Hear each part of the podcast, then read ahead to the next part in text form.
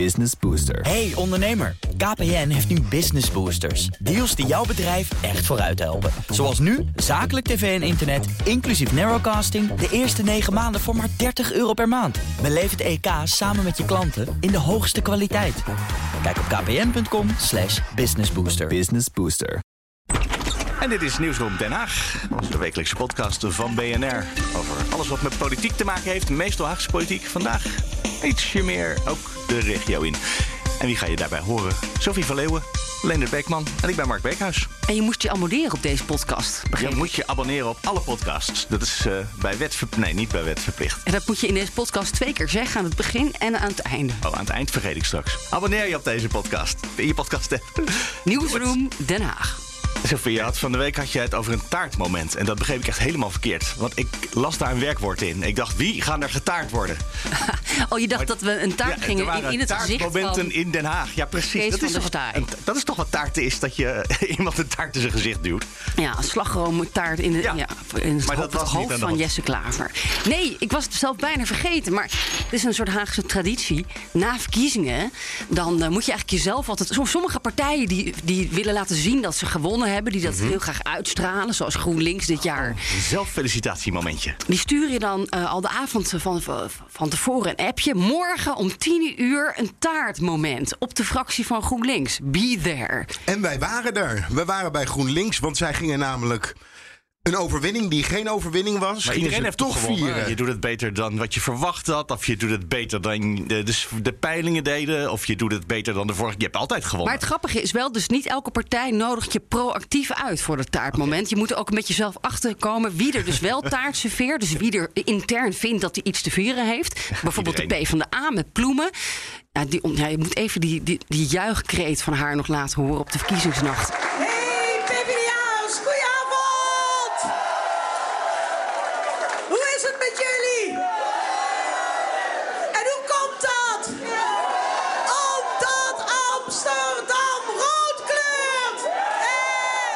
Eh, het was taart bij Partij voor de Dieren. Moest ik ook eh, achterkomen door toevallig even langs te lopen op de. Waar zitten ze ook alweer? Worteltjestaart op de zesde. Zesde etage van de vegan. Van, Worteltjes bij de Vegan, Partij voor de worteltjestaart Dieren. hebben we gegeten. met sugar, low sugar marsepein-laagje. En eh, SGP moest ik ook zelf achterkomen. Die hadden ook een heel klein eh, taartfeestje. Oké, dus iedereen heeft gewonnen. Ja, en het begon bij eh, GroenLinks. De overwinning. Ik dacht hier vanochtend te staan en te zeggen we zijn hersteld. Maar nu is er toch echt wel sprake van een overwinning. Eh, als je ziet dat we gewoon ten opzichte van 2018 groter zijn geworden. We leveren meer raadsleden door het hele land. We zijn op meer plaatsen de grootste worden, geworden. Eh, in jouw stad, als ik, het, eh, als ik het niet mis heb, 22% in Leiden. Het is ongelooflijk. Ja, het, het, het is Ongelooflijk. ongelooflijk. Ze hebben niet gewonnen. Het is echt minimaal. Nou, wel het, een paar zetels, toch? Ja, echt heel weinig. We hebben het echt over heel weinig zetels. En de uitleg is dan... Vier jaar geleden hadden we de grootste overwinning ooit. Dat is waar. Vorig jaar bij de landelijke verkiezingen deden we het slecht. Dat is ook waar. Nu zijn we gelijk gebleven, dus we vieren dit weer als een overwinning. Maar ze waren niet de enige. Laten we naar de Partij van de Arbeid luisteren, naar Ploemen... want ook daar werd de overwinning gevierd. grootste in Amsterdam, de grootste in Leeuwarden, in Heerenveen, eh, in Roermond. eh, weer terug in de raad met twee zetels. Echt iets om eh, heel trots te zijn op al die mensen die daaraan gewerkt hebben. Als we verder op de Kamer in kijken, dan zien Ja. we Den El staan, we zien Zeker. Drees staan, we zien de heer Kok staan. Zeker. Zouden die dit resultaat nou ook als een overwinning he- hebben uitgelegd? Als zij hier zouden zijn, zouden ze het zeker als een overwinning eh, hebben eh, gezien, want dat is het ook. In hun tijd zou dit echt een, eh, een, een slechte uitslag zijn. Ja, meneer, in hun tijd was alles anders en nu zijn we ontzettend blij met het vertrouwen van de kiezers. Weet je, boze bloemen op Leendert.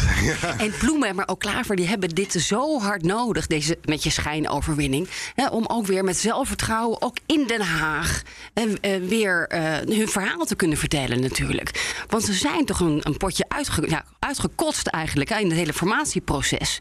We hebben bestaansrecht nodig, ook Ploemen als leider.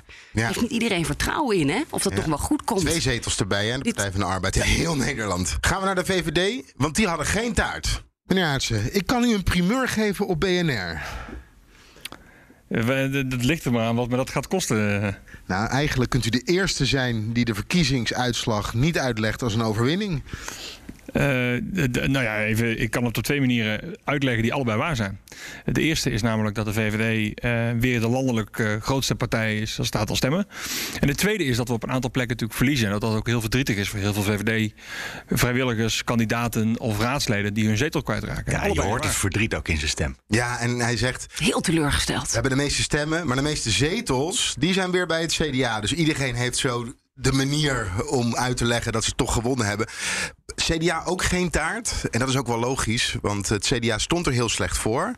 Hoekstra zei ook, we zijn blij met de uitslag. Want het was minder slecht dan verwacht. Maar toch verlies bij het CDA. Dan hij eerder op de avond aankondigde. Ja. eh, In een soort van al bijna eh verliezerspeech. Ja, eh, maar Amsterdam, hoop in bange dagen, heeft, had daar één zetel, heeft er nog steeds één. Maar de- door de loop van de avond leek het wel niet, wel niet.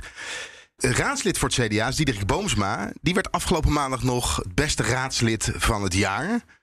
En Diederik die is erbij. Hallo. Hey Ik Diederik. ben raadslid van, eh, van Nederland, hè? dus dat is over de periode 2018 tot 2022. Oh, dat is voor mij Nog beter.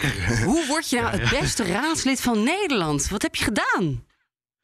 Eh, ja, goede vraag. Nee, ik heb, eh, ik heb van alles gedaan, maar dit is, eh dit is in verschillende rondes. Nou ja, die, die, dus enerzijds is het gewoon een publi publieksstem. Dus de meeste mensen hadden op mij gestemd. Het hele CDA. en erbuiten. Eh, Nou, niet alleen het CDA, natuurlijk ook gewoon allerlei andere mensen die ik ken en die, die dat vonden. Dus zelfs van andere partijen hier heb ik, heb ik begrepen. Dus dat is natuurlijk heel aardig. Ja, ik was, ik was toevallig in Amsterdam ook al uitgeroepen tot beste raadslid van Amsterdam. Eh, door mijn collega's en door het college zelf en ook door de Amsterdammers. Dus dat, maar dat was vorig jaar. Nou ja, dit eh, sluit er dan mooi op aan. Maar wat is het, het grootste, het belangrijkste wat je hebt bereikt? Ehm, nou, ik heb ja, een aantal dingen bereikt. Even, ik denk dat het belangrijkste, het meest, ja, is toch wel dat ik een, heb gezorgd voor een zogenaamd erfpachtpardon hier in Amsterdam. Want Amsterdam heeft dus eh, erfpacht. Dat betekent de gemeente heeft 80% van de grond. En als je daar woont, dan moet je dus die grond huren of pachten. Eh, en dat systeem is ontzettend oneerlijk. Het is een soort woekerpolis. Eh, en ik heb ervoor gezorgd dat nou, 50.000 Amsterdammers, eh, ja, die kunnen nu overstappen volgens iets minder ongunstige voorwaarden. Maar dat kan wel per persoon zo al gauw een ton schelen. En dat is natuurlijk wel voor allerlei mensen ongelooflijk belangrijk. Want het gaat om gigantische bedragen. Nou, we zijn er nog niet, maar ja, dat is wel een belangrijke stap. En dan ben je dus het beste raadslid. En dan is het op de verkiezingsavond, is het nou, kielen kielen of je je raadzeteltje behoudt. Ja, het was enorm spannend. En ik dacht aan het begin van de avond inderdaad dat het eh, niet zou lukken. Want eh, we kregen die exit poll, dan waren we gewoon weg. Eh, want toen stonden we niet eens op de lijst. Toen dacht ik, jeetje, hebben we dan minder dan 1% van de stemmen. En eh, ik dacht, hoe kan dat? Maar eh, ja, het zag er echt wel droevig uit op dat moment. En ik had al, iedereen was al enorm neergeslagen daar van het campagneteam. Uh, maar ja, gelukkig bleek toen om, om 12 uur zo ongeveer half 1 dat, uh, dat toen waren echt de stemmen geteld. Toen zaten we gewoon vol en ruim op die zetel hadden we behouden. Dus ja, dat was, was wel een opluchting. Dus ook jullie hebben taart en je overwinning gevierd dat je die ene zetel hebt behouden. Uh, ja, zeker hebben we dat gevierd. Ja, ik zelf, ik, ik had corona net uh, woensdagmiddag na het stemmen heb ik een zelftest gedaan. Toen bleek ik daarna corona te hebben, want ik voelde me nog niet zo lekker. Maar, dus ik kon toen helaas niet met het team gaan vieren. maar anders hadden we dat zeker gedaan. Misschien niet met taart, maar wel met champagne. Ik hoorde dat Weesp misschien een hele belangrijke rol gespeeld heeft. Weesp is lid geworden van de gemeente Amsterdam, om maar zo te zeggen, een nieuw stadsdeel. En dat daar relatief veel CDA-stemmers zitten, naar Amsterdamse termen.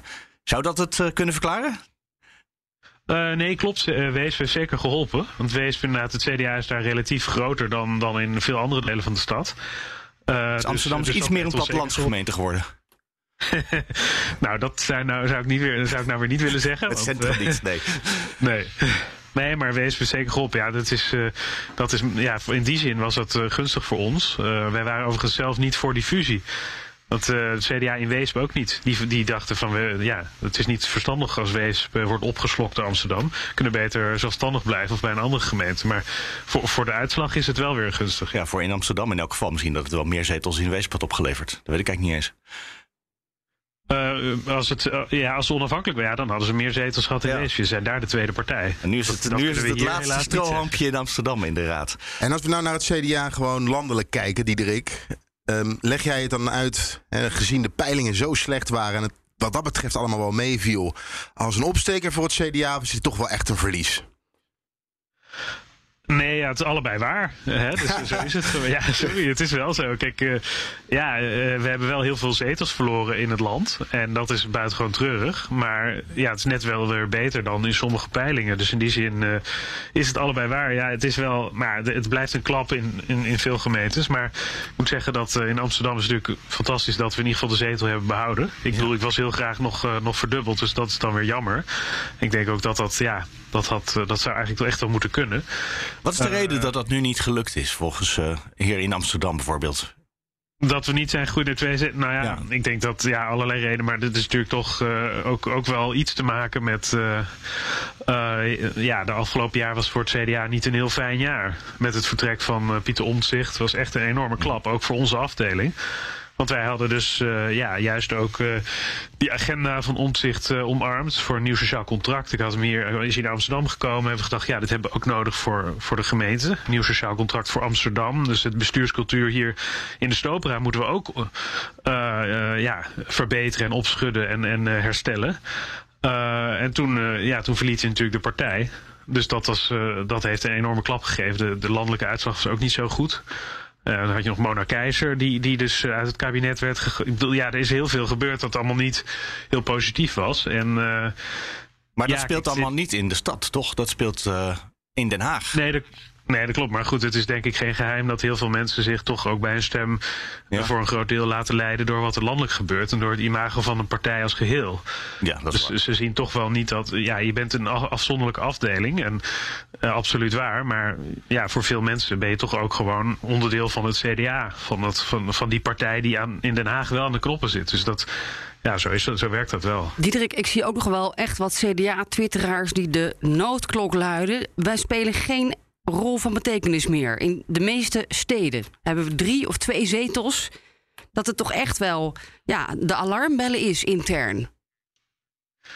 Eh, nou ja, maar wat dat betreft is dat voor ons natuurlijk niet, niet, niet een geheel nieuwe situatie in Amsterdam. Overigens, eh, een rol van betekenis, dat zou ik toch willen be- bestrijden. Eh, ja, je hebt niet zoveel macht met, eh, met, met één zetel in de oppositie, maar je kunt wel heel veel invloed hebben. Diederik Boomsma van het CDA in Amsterdam. Dankjewel. Beetje de Pieter Omtzigt van, eh, van Amsterdam, als ik het zo hoor. maar ja, in je eentje kun je inderdaad heel wat bereiken. Of heel veel media-aandacht krijgen. Ook weer in deze podcast. We gaan bellen met Urk. Want eh, ja, daar is ook iets heel spannends gebeurd volgens mij eh, op de verkiezingsnacht. Forum heeft het niet gehaald. De verkiezingskaravaan is eh, gestopt. Ja, door, ja, misschien ook wel een beetje door de wethouder van de SGP-lijsttrekker die we nu aan de lijn hebben. Nathaniel Middelkoop. Goedemorgen. Ja, ik sprak gisteren Kees van der Staaij. We waren een taartje aan het eh, eten in de Tweede Kamer. En die zegt, eh, we hebben in Urk eh, drie zetels gewonnen. We zijn de grootste geworden. En eh, ja, Baudet die, hebben we op het schip gezet en eh, uitgezwaaid op het IJsselmeer. Stiekem hebben we natuurlijk ook wel een beetje leed vermaakt dat eh, Forum daar bot heeft gevangen. En dat vind ik ook wel mooi om te zien van ook, ehm, het lijkt alsof het een soort van zelfsprekendheid is. ehm, dat je overal maar stabiel eh, scoort of weer ehm, eh, zetelwinst hebt. Maar er ligt ook echt heel veel lokaal werk aan ten grondslag. Nou ja, het, klopt wel inderdaad dat eh, Forum hier het echt ruimschoots niet gehaald heeft wat dat betreft. En ik zie daar toch wel in dat we als SGP er ook geslaagd in zijn om, om de jongere kiezer ook vast te houden. Dus wat dat betreft, eh, ja, eh, ik vind het eh, al te veel eer om te zeggen, hè, de SGP heeft Forum er buiten gehouden, om het zo maar even te zeggen. Maar we hebben in ieder geval onze eigen jeugdige kiezers vast weten te houden. En die zijn in ieder geval niet richting Forum gegaan. Ja, ik vroeg me af, wat is daar precies gebeurd? Want wij zien alleen maar beelden van een verkiezingskaravaan. En eh, Urk is een voorbeeld voor Nederland. Of wat zei Baudet ook alweer? Ehm, jullie werden een soort van... Ja, Urk is een beetje. Hij deed net. Hij wou, wilde bijna in Urk gaan wonen. Zo leuk vond hij het daar. Ja, nou dat, dat was natuurlijk ook de casus geweest op het moment dat hij dus gekozen was. eh, en hij was er met voorkeur bijvoorbeeld ingekomen. Dan had hij eh, natuurlijk ook een keuze moeten maken. Maar ah, als je hier de laatste weken goed rondkeek, zag je dat er weinig animo was voor de campagne van Forum. Ze hebben zich vooral als een landelijke partij gepresenteerd en hadden weinig echt lokaal toegespitste thema's. Ehm, en ik moet daarbij ook wel zeggen dat het standpunt wat eh, Forum heeft ingenomen rondom de hele coronadiscussie en de vergelijking daarmee eh, met de Holocaust vooral, eh, dat die hier niet zo goed is gevallen. En ook nou ja, de stellingname rondom eh, de oorlog in Oekraïne wordt hier doorgaans niet gedeeld. Dus ik denk dat ze daarmee ook wel nou ja, een heel, heel stuk steun hebben verloren op Urk. En we moeten ook niet onderschatten dat hè, de uitslag van de Tweede Kamerverkiezingen eh, vorig jaar hier op Urk was vooral een, een, een verkiezing hier op Urk eh, als een soort proteststem. Een stem tegen eh, nou, datgene wat er allemaal gebeurt nou, met wind op zee en noem maar op. Dus ja, dat was ook niet één op één te vergelijken en over te leggen op deze gemeenteraadsverkiezingen. Wind op zee. Nou, dus we toevallig gaat dat vandaag door de ministerraad. En we gaan ontzettend veel wi- windmolens op zee bouwen. Heeft u dat al meegekregen? En hoe valt dat dan in de Ja, ik heb, het, eh, ik heb het inderdaad vanochtend gelezen en ik maak me daar wel eh, grote zorgen om. Eh, want uiteindelijk is dan toch onze voedselvoorziening op zee, de visserij is dan de grote dupe.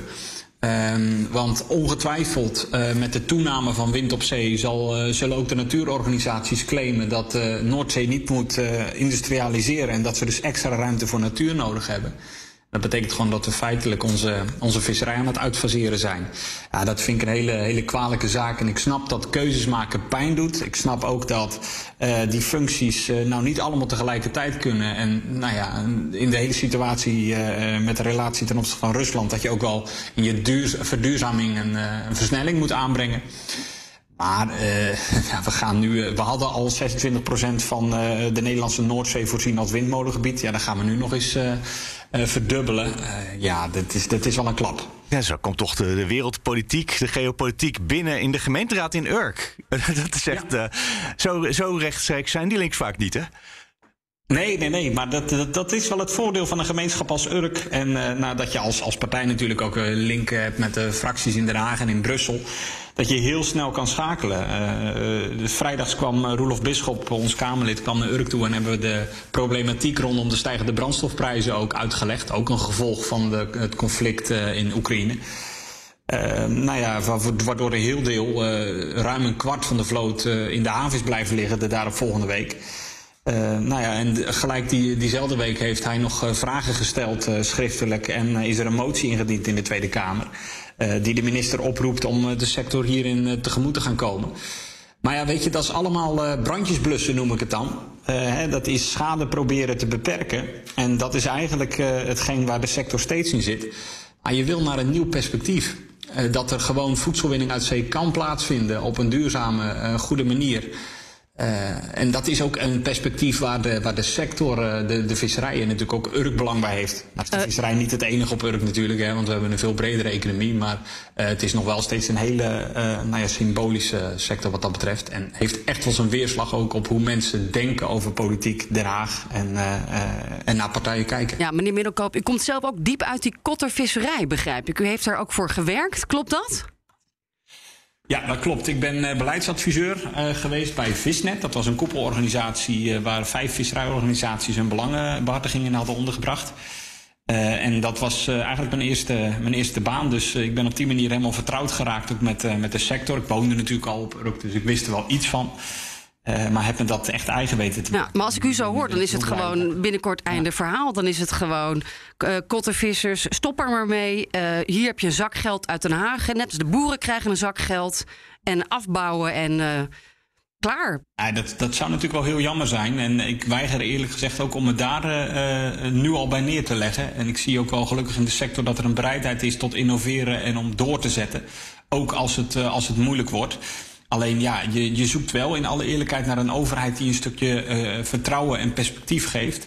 Eh, en op dit moment eh, nou, is dat bar slecht. Nathaniel Middelkoop van de SGP in Urk. Hartelijk dank. Dank u wel. Graag gedaan. En dan is het een kleine stap van de SGP naar de SP. Ja, het scheelt maar één letter. Daarom. De SP, dat is wel de echte verliezer van deze verkiezingen. SGP heeft meegedaan in 80 gemeenten. 80 afdelingen hebben meegedaan. De SP, Minder. zei je. Z- Zei ik de SP? Ja, je zei SGP. Oh. Omdat je ze door elkaar haalt, nu weet ik zal niet ik, meer. zal ik hem eventjes helemaal... eh, Nee, nee, nee. Ik vind die verwarring vind ik mooi. En, eh, welke wilde je vertellen? De SP. De SP die heeft, die een verlies geleid. Een derde van de raadszetels zijn ze kwijt. Was wel al ingecalculeerd omdat ze met minder afdelingen meegedaan hebben aan deze raadsverkiezingen. Dit keer hebben ze er met de partij. 80 hebben ze er meegedaan. En dat waren de eerste 125. Ja. Maar desondanks een verlies bij de SP. Daar zijn door Lilian Marijnissen en door SP'ers verschillende verklaringen voor gegeven. Corona is een verklaring. SP'ers zouden het toch enger vinden om naar de stembus te gaan. Daarbij zeggen ze wij zijn een wijkpartij. Dat is ook echt waar. Ze hebben ook altijd kantoortjes in wijken staan. Doen veel in wijken. De afgelopen twee jaar hebben ze dat weinig kunnen doen. Dus ook weinig contact gehad met de kiezer. Dat zou een uh, verklaring zijn. Ook de oorlog in Oekraïne is een verklaring. Heeft afgeleid. En het vertrouwen, het wantrouwen in de politiek. De lage opkomst, zullen we het zo meteen nog eventjes over hebben. Dat zijn allemaal verklaringen. Is natuurlijk de vraag. Dit zijn de vijfde verkiezingen die Lilian Marijnissen op rij verliest. Er is ben... dan een moment dat je zou moeten denken... gaan we een keer conclusies trekken? Precies. Ik ben rond gaan bellen. Zowel in Den Haag, bij de provincie als bij verschillende gemeenten, dus hè, de raadsleden van de SP uh, in de gemeente, gevraagd: waar komt dit nou door? Zij bevestigen het beeld dat Lilian Marijnissen geeft. He, wij zijn die wijkpartij, we hebben ons niet genoeg kunnen profileren. Maar dan is de hamvraag. Heeft dit ook te maken met het Haagse beleid? Het verhaal vanuit Den Haag schaadt dat jullie. En dan zou je verwachten onrust binnen de partij. Zover ik. Hè, er is rust binnen de SP. En volgens mij komt dat. Ik vraag, hoe kan dat nou? Gelatenheid. Het wordt verloren. Gelatenheid, rust. Dat heeft te maken met alle onrust die hiervoor geweest is. Als je, die net opgelost is. Precies, als je je vraagt van, nou ja, wanneer was er dan, wanneer is er dan wel? Dat was hiervoor. De, de problemen met de jongerenorganisatie Rood. De problemen met de afdelingen in uh, Rotterdam en Utrecht. Dus de zolderkamercommunisten zijn op straat gezet, hebben een eigen partij. Die hebben het trouwens niet gehaald. Hè? Ook niet in Rotterdam, Socialisten 010 Utrecht of zo. ook niet. Nee. En de, dus nu wordt er, eigenlijk zijn ze al lang weer aan een. Dit was ingecalculeerd en de SP wil rust, wil weer bouwen. Dus, en dat vond ik wel heel opvallend, want je zou toch kunnen zeggen van nou, na vijf keer. Dan wordt het misschien wel tijd dat er een, een andere politiek leider gaat opstaan. Mm -hmm. ja, Renske Leijten misschien. Ja, maar dat is volgens mij niet het geval. En Lilian Marijnissen, volgens mij toen ik met haar bij de Friday Move uh, zat... toen vroeg Wilfred Gené ook aan haar als er iemand met een beter verhaal is, maak je daar een plaats voor? En zei ze, ja natuurlijk, als er iemand een beter verhaal is... of iemand het beter kan, dan stap ik op. Dus hmm. misschien zou dit dan wel het moment zijn, zou je denken. Maar de, de onrust binnen de SP, zover ik het uh, heb kunnen uh, voelen. De rijen is dat er nog gesloten de, rijen de afgelopen zijn... periode waarin het echt heel veel ruzie was. Ja, en ik heb wel één, één raadslid die zei, en dat vond ik heel mooi... Die zei: Wij zijn socialisten. En socialisten zijn solidair aan elkaar. Toen ik vroeg naar: Is Marijnissen nou nog wel degene die de. Dus, dus wij zijn solidair met Marijnissen? Met de grote leider. met elkaar. Ja, met elkaar. Nee, met elkaar zeggen ze. Dus echt onrust uh, voelde ik nog. Niet. Ik, ik denk dat de grote test wordt, want ze gaf inderdaad de schuld aan corona. Dat uh, actiepolitiek, uh, zie ik ook in mijn wijken. Huurhuizen verdedigen tegen de sloop. Konden we allemaal niet doen. Uh, als het nou volgend jaar weer niet lukt, want in de, uh, bij de provinciale statenverkiezingen, ook in de Eerste Kamer, is SP heel groot. Hè, kan het verschil maken. Toen ook met stikstof, hè, kan meerderheden geven. Als het volgend jaar nog niet lukt, en dan is misschien de oorlog voorbij, dan is corona, hoop ik, een beetje voorbij. Dan, dan moet je wel een keer een, een streep gaan zetten. Ja. Denk en ik. de jongeren aanspreken. We hoorden net de SGP vertellen van dat is ons gelukt. De vraag is, lukt van Forum weg te houden, eigenlijk zei ja, je. Ja. ja, maar dat, lukt dat de SP goed genoeg? Dat is ook een vraag die ik stelde. Daar waren de SP'ers het niet met me eens. Ik zei van ja, als je dan kijkt waar heeft de SP zich de afgelopen tijd nou echt op geprofileerd, dan is dat afgelopen half jaar en ook daarvoor, daarvoor op pensioenen, afgelopen half jaar op de AOW-discussie, de ontkoppeling met het uh, minimumloon is dat wel, zijn dat onderwerpen waarbij je jongere kiezers aan je bindt. Maar SP'ers zeggen dan gewoon, ja, maar dat maakt niet uit. Dit zijn onze onderwerpen. Dit is wat wij belangrijk vinden. Ja, ze zeggen ook, uh, dat is Bart van Kent, het Kamerlid, gaat over de pensioenen. Die zegt dan tegen mij, ja, maar Sofie, het is ook jouw AOW. Of de AOW van de, van de jongeren. Maar die denken daar nu nog niet over na. Die denken aan, hoe ga ik mijn studieschuld afbetalen? Ja. Maar, um, oh, over de SP mag ik nog een bruggetje maken naar andere verkiezingen. Ja, tuurlijk. Um, want er is weer, het, het, is verkiezingsseizoen. En wat ook nu echt, echt helemaal losgaat, is natuurlijk de Franse presidentsverkiezingen. Oh, dat is een bruggetje. Ja, ja, heel kort over, want ik was de, de lijst eh, van Macron heeft zich gepresenteerd. Die gaat waarschijnlijk glansrijk winnen vanwege zijn staatsmanrol in de oorlog in Oekraïne. Um, met zijn kernbom. Maar in Frankrijk heb je dus een soort SP, dus dat is een, links van de PvdA, zeg maar. Mélenchon. Maar daar, daarnaast heb je nog aan de linkerflank nog drie extreem linkse partijen die, waar je op kunt kiezen. Daar krijg je echt stress van. Ja. Dus lidgavaïst heb je. Je hebt de anticapitalist. Je hebt de communistenpartij. En dan nog de SP. En dan nog de Franse PvdA. Dus daar valt als linkse kiezer echt wat te Daar kiezen. valt echt iets te kiezen. Maar ze Ja, gaan net allemaal keuzes bij ons toch? Bedoel, wij hebben toch ook toch de SP en de PvdA en GroenLinks en eh Partij voor de Dieren is ook nog een beetje links. En Ja, Deze dat is partij wel waar. iets linkser in het spectrum dan zitten. Partij voor de Dieren, eh, ja, daar hadden we net hebben we nog een taartje gegeten, heeft natuurlijk ook gewonnen. We moeten natuurlijk ook de lokale partijen noemen, want die hebben nog meer zetels gehaald dan eigenlijk verwacht. Ze hebben Daar wil ik 36 even iets over vragen. Heeft iemand inmiddels geteld hoeveel eh, zetels wij als lokalen tellen... terwijl dat eigenlijk PvdA GroenLinks combinaties zijn, de progressieve? Want er zijn heel wat eh, gemeenten waarin die twee samen gegaan zijn in één fractie. Mhm. Die kan je niet als PvdA als GroenLinks stellen, dus dat moet een lokale partij zijn. Ja. Maar eigenlijk zijn het natuurlijk wel gewoon PvdA en GroenLinks nog steeds. Ja, dit, maar dat zie je natuurlijk wel terug in de, in de analyses. En dat is ook, je hebt drie soorten lokale partijen. Heb je de leefbare, die eigenlijk al vanaf de jaren negentig geworteld zijn in het lokaal bestuur. En daar ook alle clichés die daarover bestaan, die zijn op een hoop van die leefbare partijen niet van toepassing. Ik ken de leefbare partij, die heeft nu ondertussen een andere naam. Maar in Oesgeest eh, ken ik goed. Dat is een hele stabiele, rustige partij met hele weldenkende mensen die niet ruzie met elkaar aan het maken zijn. Dus al die clichés komen niet voor. Dat is één groep. De tweede groep is de groep die jij noemt. Dat zijn vaak de progressieven, zoals ze zich noemen. Lijstverbindingen tussen, eh, tussen GroenLinks en Partij van de Arbeid vaak. Ja, kan ook zijn ook D66 andere. bij komen.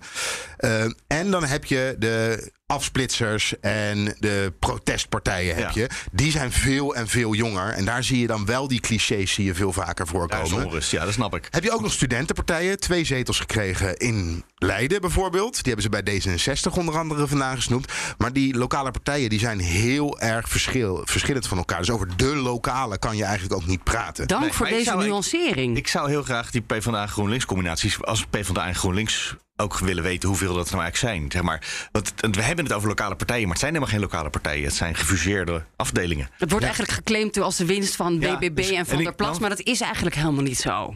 Nee, maar je hebt ook Nou, lokale Omdat we dat niet zo. Ik heb nog niemand gezien die dat netjes heeft geteld. En het waren er te veel om het vanmorgen zelf even te doen. Maar je hebt ook lokale partijen die eigenlijk een VVD-profiel hebben. Eh, en dat de VVD niet meedoet in zo'n eh, in zo'n Mhm. Ja, gemeente.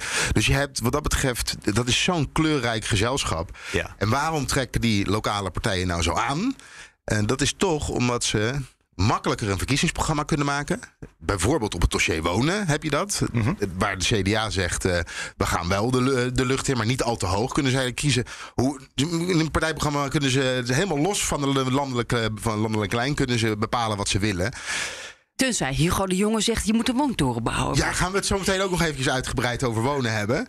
Dat is heel erg makkelijk. Ze zijn echt beter en zi- zichtbaarder binnen die, lokale, eh, binnen die lokale gemeenschappen. En dat is de aantrekkingskracht van die lokale partijen. En de echte grote winnaar zijn natuurlijk zelfs niet eens de lokale, maar de niet-stemmers. Ja, en ook daar hebben we al heel veel analyses over gehoord. En toch wil ik daar nog eventjes wat dieper op ingaan. Want je hebt... Aan de ene kant heb je de mensen die gewoon teleurgesteld zijn in de politiek en geen vertrouwen meer hebben in de politiek. Moeten we daarbij zeggen dat de lokale politiek dat daar nog het meest vertrouwen in is. Veel meer dan in Den Haag bijvoorbeeld. 50% is nog steeds niet heel erg veel, maar in Den Haag is 40%. Maar het- beeld is, hè, dat, volgens mij wil je dat zeggen. Je hebt natuurlijk een beeld dat nu half Nederland is afgehaakt bij de politiek. Dat Ja. is de angst die Ja. we nu hebben deze Ja, dagen. en dat zijn de analyses die, die nu gemaakt worden. Dus mensen die hebben geen vertrouwen meer in, eh, in de politiek. Terwijl er ook mensen zijn die. En die moet je echt niet uitvlakken. Die het eigenlijk geen ene donder kan schelen. Zolang ze een auto voor de deur kunnen parkeren. En de speeltuin is open. En eh, het zwembad gaat niet dicht. Vinden ze het allemaal wel best. En gaan ze niet stemmen. Dus laat ze het maar uitzoeken. En dat kan je als een proteststem wegzetten. Maar dat hoeft er helemaal niet te zijn. Gewoon de gelukkige huisvrouwen. Gewoon Zo. gelukkig mensen die. Het AD had vandaag de voorpagina verschillende. Wie zijn de niet-stemmers? En daar komt alles komt er voorbij. Mensen die het vergeten waren. Oorlog in Oekraïne speelt ook mee. Normaal gesproken, dagenlang staat de gemeenteraadsverkiezing op de voorpagina. Dat is niet gebeurd. De campagne is onzichtbaar geweest. Ik ga je eventjes helpen. Je zegt het stond op de voorpagina van het AD, maar het stond ook gisteren in de podcast De Nieuwsdag. Die ik Oh, zelf nou, leg jij dan even uit. Uitgebreid Die hadden met, jullie eh, allemaal. eh, We hebben uitgebreid gesproken met eh, André Krauwel, die daar vier jaar Oh. geleden al ter gelegenheid van de vorige keer dat er heel weinig mensen kwamen stemmen. Eh, toen heeft onderzocht. En hij onderscheidt vier categorieën mensen. Dus waarschijnlijk zijn dat de mensen die het AD ook heeft. Wat ik, die categorieën moeten we niet helemaal gaan herhalen nu. Voor mij denk ik, luister gewoon naar de nieuwsdag. Ik zal een linkje bij de show notes zetten. Wat ik vooral heel fijn vond, was dat bij elke groep er een mechanisme is om die mensen te overtuigen dat ze zouden willen gaan stemmen. Dat het voor hun wel nuttig is. En dus als wij als land iets willen, als we zeggen, nou die lage ook is een probleem, dat kunnen we oplossen. Moeten we wel dan doen. Dat hebben we tot nu toe niet gedaan. Kun je daar een voorbeeld van geven? Ehm, het, nou, het gaat bijvoorbeeld mensen, je zijn net mensen die het vergeten. Er zijn heel veel mensen die uh, vanwege hun leeftijd er nog niet aan toe zijn te gaan stemmen. Die blijken, uh, jonge mensen hebben vaak de neiging om te denken: nou, uh, de wereld is belangrijk. Maar ja, wat er hier bij mij in de straat gebeurt en welke stoeptegels te komen, interesseert me ook weer niet zoveel. Of welke kleur het lantaarnpalen. En op een goed moment dan worden die mensen oud genoeg dat ze een school nodig hebben. En dan komen ze met de gemeente in aanraking. En dan komen ze, ze willen hun auto ergens kunnen parkeren. En dus een parkeervergunning, komen ze de gemeente in aanraking. Dus op een goed moment ontwikkel je toch een soort gevoel van... hé, hey, die gemeente, daar heb ik wat mee te maken. Bijvoorbeeld, ik kan helemaal geen tweede parkeervergunning krijgen in deze stad. dat soort dingen. Nou, dan misschien vind je er dan ineens iets van. Maar dus je, kan die, je kan die mensen op een jongere leeftijd ook wel uitleggen... dat ze, uh, zij gaan naar een school. Uh, die school, die is ook al, daar heb je ook al met de gemeente te maken. Uh, je mag wel of niet hangen in het park. Daar hangen, lopen handhavers rond. Kom je de gemeente ook al tegen. Dus die mensen kan je uitleggen dat ze nu al geconfronteerd worden met de, het bestaan van een lokale overheid. Ja, dus gericht campaign. En dat is, dat is in dit geval één van die vier groepen waar dit dan zou kunnen werken. Heeft hij ook iets gezegd over de lokale journalistiek? Ja. Ja, want daar wil ik namelijk nog uh, een pleidooi voor doen. De lokale journalistiek is verwaarloosd de afgelopen jaren.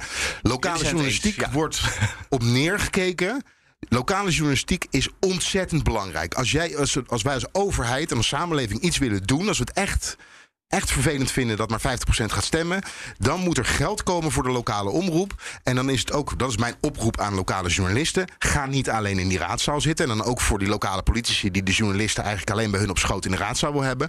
Maar ga verslag doen van wat er dan gebeurt met het geld vanuit de gemeente. Dus ga de straat op en laat zien wat er op de straat gebeurt met dat gemeenschapsgeld. En op die manier, als je, als je er echt voor zorgt dat er gewoon weer lokale journalisten, en niet eentje van het suffertje, maar ook mensen die een betaalde baan hebben. Mm dus niet alleen gepensioneerden die dan voor, uh, voor, een, voor een lokaal krantje schrijven. Als je dat doet, dan komt de, de lokale politiek echt dichterbij. Want de lokale politiek doet namelijk heel erg veel. Maar dat moet wel zichtbaar gemaakt worden. En wanneer zien heel veel mensen het? Dat zien ze bij de lokale omroep. En dat zien ze in het krantje dat uh, elke week in, uh, op de mat verschijnt. En die moet er wel komen. Ja, maar Leonard, wat kunnen wij eraan doen? Wij hebben elke dag een politieke rubriek. We hebben een podcast. Moeten wij dan ook meer lokale politici gaan inbellen? Moeten wij. Nou, als je wil weten. Dat we ja. daar ook een bijdrage ja, aan maar niet de hele tijd. Want wij zijn nog steeds. Wij doen verslag van de Haagse politiek. Maar als je wil, als je wil weten hoe de Haagse politiek neerslaat. Uh, lokaal, dan is het heel nuttig om eens een keertje te gaan praten met een lokaal bestuurder. Eigenlijk hadden we net hoorden van de SGP. De uh, bisschop uh, kwam even langs om te praten hoe de hoge, hoe de hoge energieprijzen voor kottervissers uh, erin hakken. Ja. dus die link die kunnen wij natuurlijk ook maken op die manier. Ja. Ik voel dat er een rubriek geboren wordt. Ja, nou, ik wil er één voorbeeld van geven. Wanneer, wanneer raken mensen nou, in, wanneer komen ze in aanraking met, met een lokaal bestuur? En een de drie decentralisaties. Dat zijn eigenlijk bezuinigingsrondes geweest, maar zo is het niet uitgelegd. En het gaat over jeugdzorg, WMO, participatiewet. Dat is allemaal heel ingewikkeld. Vindt niemand interessant. Maar wat er gebeurd is, is omdat het, er is geen geld meegegeven vanuit Rijk. En deze zijn allemaal neergelegd bij de gemeente. In deze 2015, 2015, ja. Is dat. dit, dit heeft een enorme impact gehad op het gemeentebudget. En daardoor zijn de voorzieningen onder druk komen te staan. En dan ineens, als het zwembad dicht moet, dan komt politiek Den Haag dichtbij. Dan pas. Terwijl er gewoon problemen zijn in de jeugdzorg. Nou, en dat is natuurlijk een ontzettend groot probleem. En daar ligt de taak voor de lokale journalistiek om dat inzichtelijk te maken. Ja, want Sophie maakte er meteen al een BNR-rubriek van. Maar ik zit eerlijk gezegd toch ook niet te wachten op elke dag een verhaal uit Schin op Geul of Alfa aan de Rijn. Of, nou, waarom niet? Nou, tenzij het hele spannende verhalen zijn. Maar dat, ik weet niet, gebeuren daar hele spannende dingen die ik tot nu toe altijd mis? Ja, we kunnen het elke dag hebben over de wooncrisis, als je ja, wil. precies. Over wat er nu weer wel of niet mislukt of doorgaat. Ja. Briljante ideeën, woontorens. Jij containers. Wat, wat, wil je, wat vluchtelingen. wil je kwijt over de woontorens? Nou, ik wil Misschien wel- moeten we daarvoor ook Oek- Oekraïnse woonflats gaan bouwen. Gewoon van die Sovjet-flats ergens eh Ja, in ze willen wel prefab gaan bouwen overigens. Maar laten we het eens hebben over die wooncrisis. Hè, en over het dossier wonen. En de impact die dit misschien gehad heeft op de gemeenteraadsverkiezingen. En dat komt toch, en ik moet het niet te vaak noemen, maar door Leiden. Want in Leiden was D66 12 jaar lang de grootste. Die zijn nu van 9 naar 6 gegaan. Stonden ooit op 12, op een hoogtepunt. GroenLinks is daar de grootste partij geworden. Ik dacht, waardoor komt dat? Ik noemde al één reden. Dat is de studentenpartij die twee zetels heeft gekregen. Maar zij hebben ook de afgelopen vier jaar de wethouder wonen geleverd. Die een paar bouwprojecten is gestart. Waarbij het gemeentehuis wel vol zat. Wie is dat? In de, van Fleur D66? Spijker is dat van D66. En Ja. ze zijn in Lied heet dat. Ze gaan een enorme woontoren in Leiden bouwen. Waar heel veel Leidenaren op tegen zijn. Dus één van de projecten. Want aan de Lammerschansweg is er ook nog een project met woontorens. waar de buurt ook niet voor was. Nou, als je een woontoren in iemands achtertuin zet. Zit het gemeentehuis vol bij, met insprekers. Ik denk dat zij verloren heeft omdat zij op het woondossier zat. Dus wat ben ik gaan doen? Ik ben gaan kijken bij de 20 grootste gemeenten. Ja. Wie heeft de wethouder wonen geleverd? En heeft dat een zetelwinst opgeleverd? Ja of nee? Wat blijkt? Ik heb 24 gemeenten uiteindelijk onderzocht. Er is maar één gemeente waarin dat het geval is. Alle andere gemeenten blijven gelijk. Dus eh, bij alle, degene, de partij die de woonwethouder heeft, blijft gelijk. Of verliezen. En statistisch gezien, ik kan hier nog niet. Ik weet, ik heb ooit statistiek gevolgd. ik, dit kan mogelijk iets zijn. Maar volgens mij zegt dit wel iets. En de aankomende jaren wordt bouwen een heel belangrijk onderwerp. En ik denk de, de partij die de woonwethouder gaat leveren, die heeft een hele moeilijke taak. Want die moet een moeilijk verhaal soms gaan vertellen. Ofwel in het groen gaan bouwen. Kijk, als jij op een mooie polder uitkijkt en er wordt daar een woonwijk gebouwd, ja, dan heb je, dan heb je iedereen in verzet. Hè? En dan moet je wel weer tegen bestand zijn. Maar wil je dan op dat moment die woonwethouder wel leveren? En ik vroeg dat de VVD. Spreek met de VVD. Wij zijn een verantwoordelijke partij. We willen graag bestuur, eh, bestuursverantwoordelijkheid dragen. En juist onze handen jeuken om problemen aan, eh, aan te pakken. Dus als je zegt, nee, deze trein laat ik aan me voorbij gaan, want dat vind ik te gevaarlijk. Dan, dan lever je per definitie niet eh, aan de mensen die op jou gestemd hebben. Dus ik zou juist, mijn oproep zou zijn aan iedereen. Of je nou een VVD of Partij van de Arbeider bent. probeer gewoon constructief in dat college te komen met elkaar. En probeer dan ook te gaan kijken hoe je de problemen van mensen kan oplossen. Ja, Thierry Aartsen van de VVD, dus doe dat wel. Maar dit is echt een dossier, daar kan je je enorm aan gaan branden de aankomende tijd. eh, de aankomende vier jaar. Waar is het wel goed gegaan? Je zei er is één gemeente waar de woonwethouder eh, een zege heeft Bosch, behaald. Den Bosch. Ja, en dat is van de lokale partij is dat geweest. eh, Waar, waar ze een, een, dus of die wethouder dat nou wel of niet door zijn beleid. Hè, zover ben ik er niet ingegaan. Maar het is alleen in, is in Den Bosch gebeurd. Maar het is een dossier die absoluut gaat spelen. En ook bij de verkiezingen was dit het thema. Dus we gaan de aankomende jaren, dus je zegt van welke lokale, welk lokaal issue moeten wij bij gaan houden de komende tijd? Nou, deze absoluut. Trouwens, heb ik Hugo de Jonge vorige week, die heeft een plan rondom dat bouwen. Hè? En hij zegt eigenlijk, ik wil samen met die lokale bestuurders die wooncrisis gaan aanpakken. Maar daarbij, als het echt niet meer gaat, ga ik de regie pakken. De schaarste van nu schreeuwt om regie. En dat maakt dat ik die regie ook heel graag neem met hen. Want we moeten als één overheid acteren en als één overheid optreden. En het is wel zo dat als het eindeloos gesteggel zou blijven in een gemeente of in een provincie. En dat dat de reden is dat eh, de aantallen maar niet gebouwd worden. Of dat er onvoldoende betaalbare woningen gebouwd worden. Ja, dan moet je ook uiteindelijk kunnen ingrijpen. En dat zullen we dan ook doen. Dit gaat wel uiteindelijk ingrijpen. Hugo de Jonge heeft heel vaak gezegd: ik ga praten met die provinciale bestuurders, praten met die lokale bestuurders. We gaan er samen uitkomen. En in het debat van de NOS afgelopen dinsdag maakte Hoekstra nog een kleine uitgeleider. Die zei.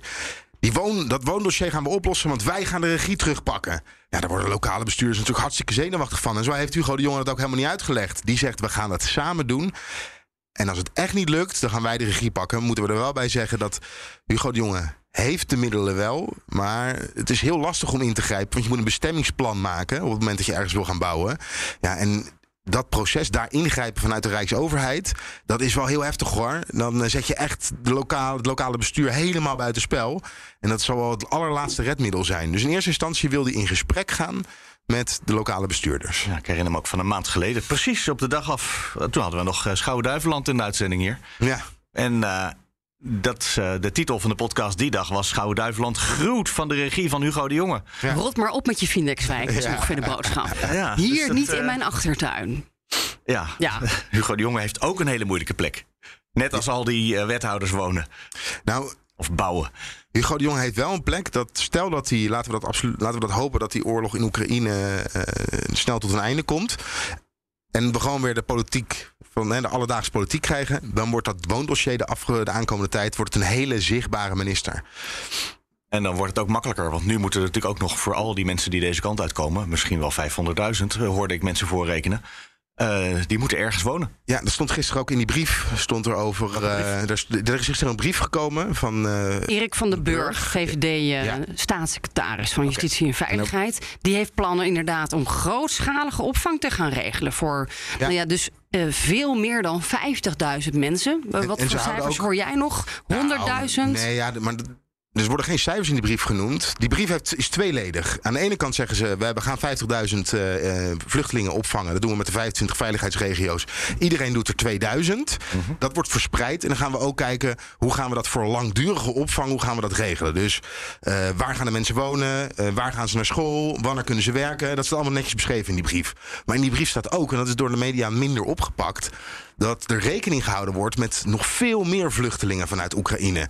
En dan wordt er ook rekening mee gehouden dat dat niet meer kleinschalig opgevangen kan worden. En dat het dan gaat om opvanglocaties van duizenden voor duizenden mensen. Wat moeten we ons daarbij voorstellen? Ja, dat, dat staat dus niet gespecificeerd mensen. in die brief. In een voetbalstadion, uh, tentenkampen, uh, ja, Sovjetflats. Ik zei uh, leeg, nou, ik, ja. ja. ik denk dat de, onder andere gekeken wordt naar leegstand in kantoorpanden, oude scholen die leeg staan. Maar die zouden we toch verbouwen voor studenten en andere ja, tijdelijke daar, woningen? Daar waren we begonnen. In die brief, in het eerste deel, dat gaat over waar gaan we die 50.000 mensen nou laten. Daarin staat, wij hebben zelf nog een grote bouwopgave. En de opvang van vluchtelingen en, en de woningnood. En de opvang van vluchtelingen, dat mag niet ten koste gaan van de vraag die we zelf al hebben naar woningen. Ja, dat is een. Dat is eigenlijk een onmogelijkheid. Het mag misschien niet, maar het kan niet anders. Nee, maar het is ook onmogelijk. Het hangt een beetje vanaf hoeveel mensen er uiteindelijk daadwerkelijk deze kant uitkomen. Dat weten we nog niet. Maar er gaan echt hele hoge getallen. Ik bedoel, er zijn iets van 3 miljoen mensen. En er wordt rekening gehouden met vijf. In die brief wordt geschreven over dat er nu rekening gehouden gaat worden met dat er 5, 5 miljoen mensen op de vlucht gaan. Ja. Ja. Ik kreeg trouwens nog een appje van uh, iemand die een Oekraïens uh, gezinnetje opvangt. Uh, ik, moet daar, ik ga daar denk ik even langs de komende week. Een soort noodkreet van ik heb al drie weken een gezin onder mijn dak. we krijgen geen enkele hulp. er zitten dus kinderen bij, dus die willen natuurlijk naar school. Die moeder is hoog opgeleid, die wil, die wil aan het werk. -hmm. Die is tijdelijk, kon ze een foodtruck schoonmaken. Maar we hadden het dan meteen over arbeidsuitbuiting. Ze, ze zou 10 euro per uur krijgen. En nou, dat werd uiteindelijk werden die afspraken niet nagekomen. En die voelen zich volledig ja, eigenlijk verloren. En waar is de regie vanuit de overheid? Krijg ik dus nu in mijn, uh, nou, in, in mijn app. brief staat daar ook in dat. Uh, er wordt ook een waarschuwing gemaakt. We proberen het zo goed mogelijk te doen. Maar er gaan uh, er gaan fouten gemaakt worden. Dat staat wel al. Ja, helemaal onderaan in de brief staat het. Ja. We kunnen dus geen garanties dat dit goed gaat aflopen. Ja.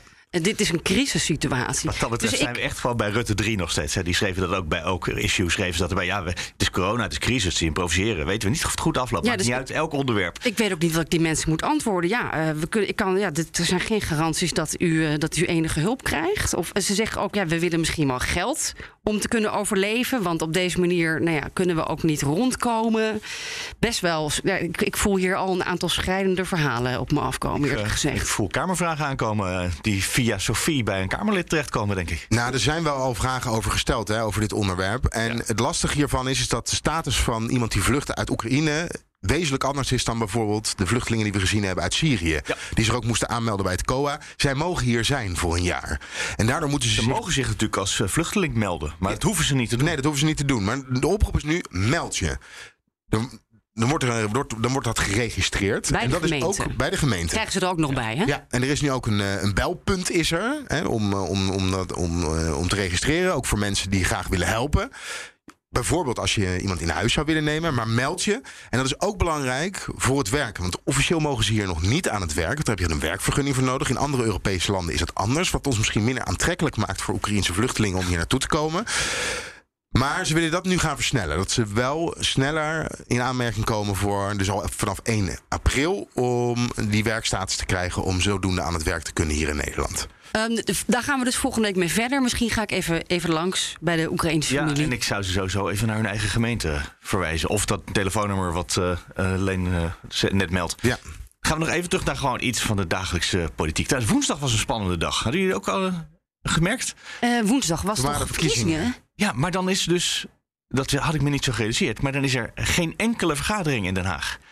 De Tweede Kamer vergadert niet. De Eerste Kamer vergadert niet. Er is gewoon niets. Geen hoorzitting. Heerlijk was het. Ik was stadsverslaggever in Amsterdam. Ik fietste door, eh, door de hoofdstad, Ja. van stembus naar stembus. Ik snap het achteraf wel, want je zal maar eh, Pieter Omtzigt zijn en in Enschede willen stemmen. Dan moet je natuurlijk niet ook in Den Haag de hele dag moeten vergaderen. Het is heel logisch achteraf.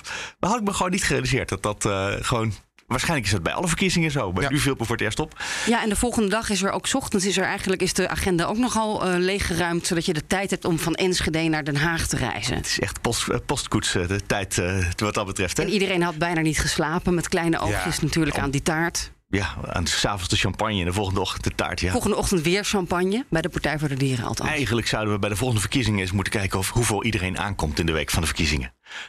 Ik heb gisteren dus echt eh, hoeveel stukken taart eh, eh, slagroomtaart, hele grote. We zijn moeten op vier plekken zijn we geweest. Oh, af, ja, inderdaad. Ja. Bij de SGP. Sofie, wil je echt niet een stukje taart? Ja, maar die van de SGP is de lekkerste, alsjeblieft. Tuurlijk. Ja, met Gods zegen. Nee, en op dinsdag was er het vraaguurtje, gewoon zoals elke week. We hebben het er al niet eens meer over. Maar daar, was, daar ging iets heel grappigs mis. Ik denk dat dat het, eh, de beste manier is om te, eh, te zeggen. En ik heb dat volledig gemist, geloof ik. Iedereen was bezig met verkiezingen. Het was, ook, het was niet een hele belangrijke vraag. Of tenminste, nou ja, het was een vraag van eh Caroline van der Plas. En eh, die zal hem heel belangrijk vinden, want anders ga je er niet mee naar het vraaguurtje. Dus ik wil dat ook niet disqualificeren. En mevrouw van der Plas heeft een vraag gesteld over het bericht. NCTV bespioneerde influencers en politici tijdens coronapandemie.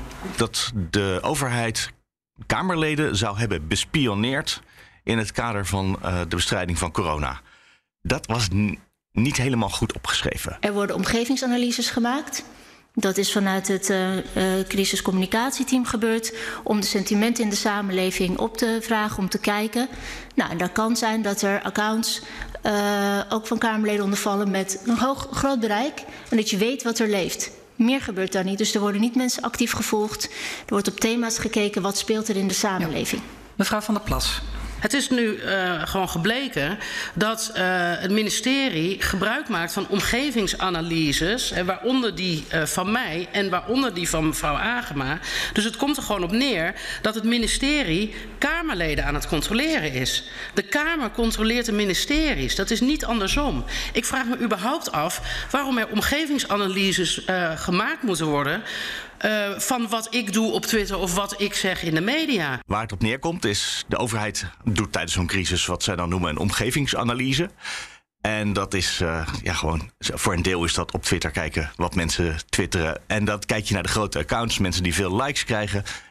Dan vind je onder andere Caroline van der Plas, want die is heel uitgesproken daarover. En die heeft gewoon heel veel volgers en veel likes. Dus die, komt dan, die wordt dan in zo'n omgevingsanalyse meegenomen. Het is niet dat haar omgeving, zoals zij het zelf steeds formuleert... Mijn omgeving is kennelijk in kaart gebracht. Dat is net niet wat er gebeurt. Er wordt gekeken naar het thema corona. En dan vind je ook trouwens Hugo de Jonge. Die zat ook in de omgevingsanalyse.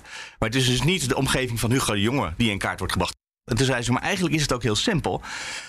Je kan toch ook gewoon een, uh, een stagiair elke ochtend even al mijn tweets laten uitprinten? En volgens mij kun je gewoon... Vroeger hadden we een knipselkrant. En dan uh, werd er gevraagd van... knip even de stukjes uit de krant wat de media meldt.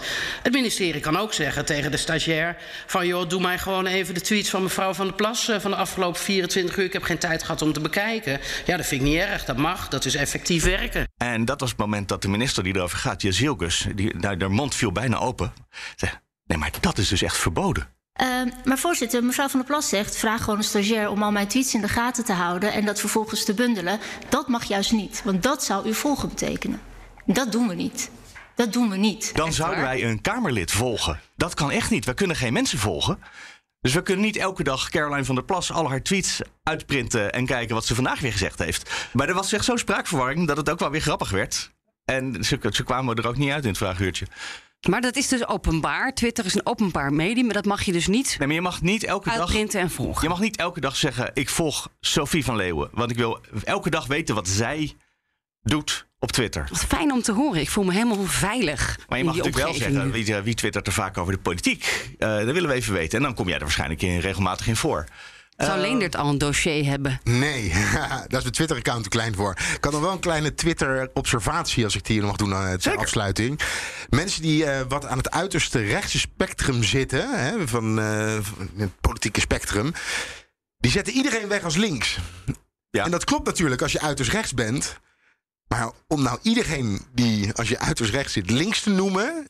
Dat maakt het ook wel heel erg simplistisch. En wie is er in het links? midden, zeg je dat? Iedereen is links. Ja, de Want als je heel erg rechts links, bent, en is ook. Is links. dan hebben ze technisch gezien hebben ze daar gelijk in.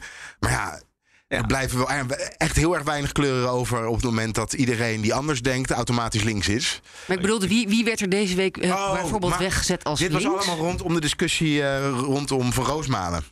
En de column die hij gemaakt had eh, rondom Van Meijeren. die is ook links. Die is ook links, maar iedereen is links. Iedereen is links. En zelfs zo erg dat hij, daar moet ik eigenlijk naartoe, dat Van Roosmalen.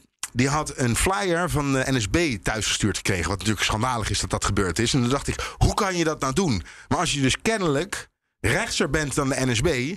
dan kan je zo'n De flyer... NSB is ook links. ja, dan kan je de NSB bijna links gaan vinden. Dat is een beetje mijn analyse. Dank voor deze analyse. En eh, Van Roosmalen had een, eh, een column geschreven waarin hij eh, Forum op de hak nam hè, en eigenlijk eh, wegzette. Ja, ook, die moesten ook met bootjes de zee op, geloof ik. Ja, net als bij Urk. En ja, jij zegt die, pol, die folder is heel erg. Ik vind het eigenlijk nog erger dat ze dan de kinderopvang waar hij zijn kinderen heen brengt, adressen daarvan gaan delen. Oh ja, dat heb ik ook nog gezien, ja. Dat ja, is, dus dat. eh, ja, kennelijk als je heel erg rechts bent, is dat logisch. En zo komen wij op een opgewekte manier aan het einde van deze podcast vandaag. Leven de democratie. Ja. Hoera. Eh, oh, dat was nog heel belangrijk uit het, eh, de nieuwsdag van gisteren. Dat André Krauwel zegt: eigenlijk moeten wij een feestdag hebben. elke keer dat er verkiezingen zijn. Kijk, ik, ik zeg altijd: het is absurd dat we in Nederland hartstikke groot feest optuigen voor het minst democratisch instituut wat we hebben, het Koningshuis. We trekken allemaal aparte kleding aan, de hele dag feesten, we drinken en we vieren dat. Maar we vieren niet de echte democratie. En ik ben daar heel erg voor. Jij denkt dat als mensen tien bier op hebben, dat ze dan wel gaan stemmen? Ja, of dat je eerst even gaat stemmen en daarna een, eh, een oranje of wat voor kleur hoedje opzet. eh. Als je tussen, tussen de boodschappen en de kinderen ophalen en het koken en het werken even moet gaan stemmen, dat is niet echt, dat geeft niet het beeld, ook niet aan jonge mensen, van dat is een belangrijk iets. Dat is iets wat je even tussendoor doet. Jij denkt dat als mensen tien bier op hebben, dat ze dan wel gaan stemmen? Ja, of dat je eerst even gaat stemmen en daarna een, eh, een oranje of wat voor kleur hoedje opzet. eh. Elke dag stemmen op Koningsdag. Nee, dat dan weer niet. Nee. nee, maar het lijkt me wel goed. Zoals je ook eh, van bevrijdingsfestivals hebben en zo. Dat soort dingen gewoon om te vieren. Hoe goed het gaat met de Ik was democratie. wel eens bij een verkiezing in een gemeente die een verkiezingsfestival had georganiseerd. Daar ben ik dus geweest. Er waren allemaal eh, evenementen in de stad. En dan kon je uiteindelijk ook nog gaan stemmen. Maar eh, Nou, en want je zei net, er waren mensen die waren vergeten dat er verkiezingen waren. Ja. Maar als gewoon, je gaat smiddags ga je de- naar, de, naar de braderie en s'avonds naar het eh, concert ergens, want het is die feestdag. Ja, dan vergeet je die verkiezingsdag ook helemaal niet. Nee. Of eh, stemmen op 1 mei, vanaf nu. Dag van de arbeid. Iedereen vrij. Doen ze in het, in het buitenland ook. Behalve hier. Ja, sowieso 1 mei ook vrij. Ik denk twee, dat- we hebben twee nationale feestdagen erbij. ik denk dat de rechtse mensen daarop tegen zijn om het op 1 mei op de dag van de arbeid Deze podcast wordt elke dag linkser. Ja. Sinds jij Maar er bent, dat, ik vind dat op zich niet erg als rechtse mensen die dag gewoon doorwerken. Als, ja, Ja, ik accepteer deze nationale feestdag niet. Ik werk gewoon door. Wij werken gewoon door. En zo verdwijnen wij langzaam eh, gaan tegen de ondergaande zon en verdwijnen wij over eh, de horizon. Volgende week zijn we er weer met Nieuwsroom Den Haag. Met Lender Beekman, Sophie van Leeuwen. Ik ben Mark Beekhuis. Tot volgende week. Hij is de zeilen. Het weekend in. Ja, alleen nog een ministerraad. Oh ja, de ministerraad. Even een paar windmolens op zee bouwen. Ja, het zou een korte ministerraad zijn.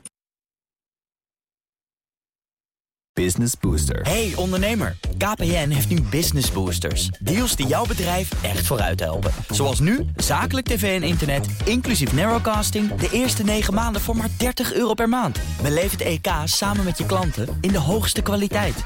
Kijk op kpn.com slash businessbooster. Business Booster.